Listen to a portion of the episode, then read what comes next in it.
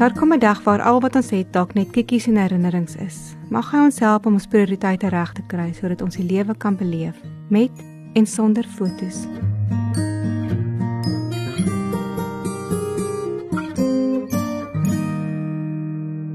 Kan jy slaap in die storm? Nuwejaarsgedagtes. Die boer het 'n handlanger gesoek. Daar was heelwat jong manne langs die pad en hy het vir 'n paar gevra wat hulle kon doen. Een het vreemd geantwoord: "Ek kan slaap in winderige nagte." Die boer het hom vererg en verbygeloop.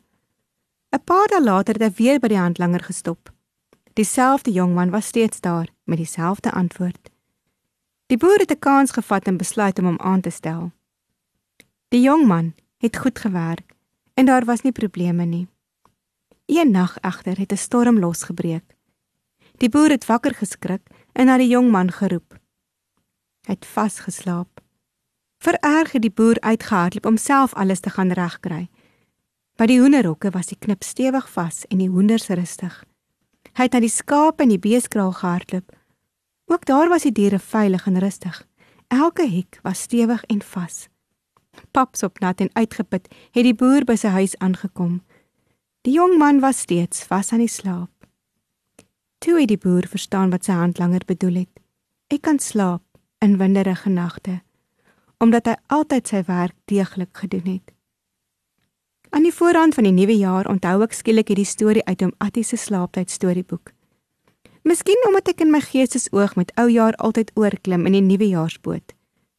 Soms klim mens in 'n stormnag oor, maar dikwels is die water kalm en onbekend. Niemand weet immers wat regtig op hom wag nie.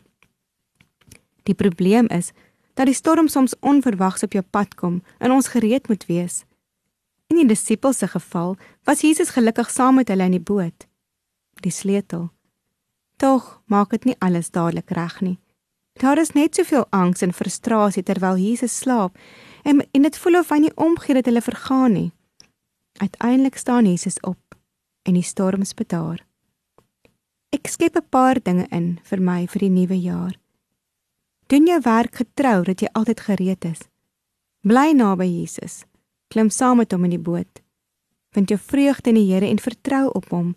May the joy of the Lord be your strength. Ek blaai deur Filippense 4 en Psalm 34 en ek lees in 2 Timoteus en ek kry ook lig. Moet oor niks besorg wees nie, maar maak in alles julle begeertes deur gebed en smeking en met danksegging aan God bekend. Bly weg van die kwaad af en doen wat goed is. Soek vrede en jaag dit na. Die Gees wat God ons gee, maak ons immers nie lafhartig nie, maar vul ons met krag en liefde en selfbeheersing.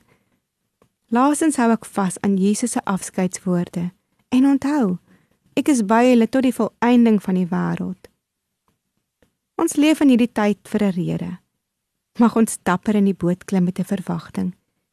Dis nie waar jy kyk wat saak maak nie, maar wat jy sien. Twee mense kyk by dieselfde venster uit. Die een sien modder, die ander wys na die sterre. Vir slegte tyding is hy nie bevrees nie, hy is gerus. Hy vertrou op die Here. Psalm 112 vers 7. 'n Nuwe dag, 'n nuwe jaar. The sun comes up. It's a new day dawning. It's time to sing your song again.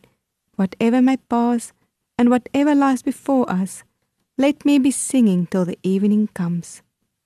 Ons God is hier. Hy is lankal in die boot. Mag ons rustig slaap in winderige nagte, 'n gebed vir my en jou. Hierdie was 'n gedeelte uit een van my klippies van hoop.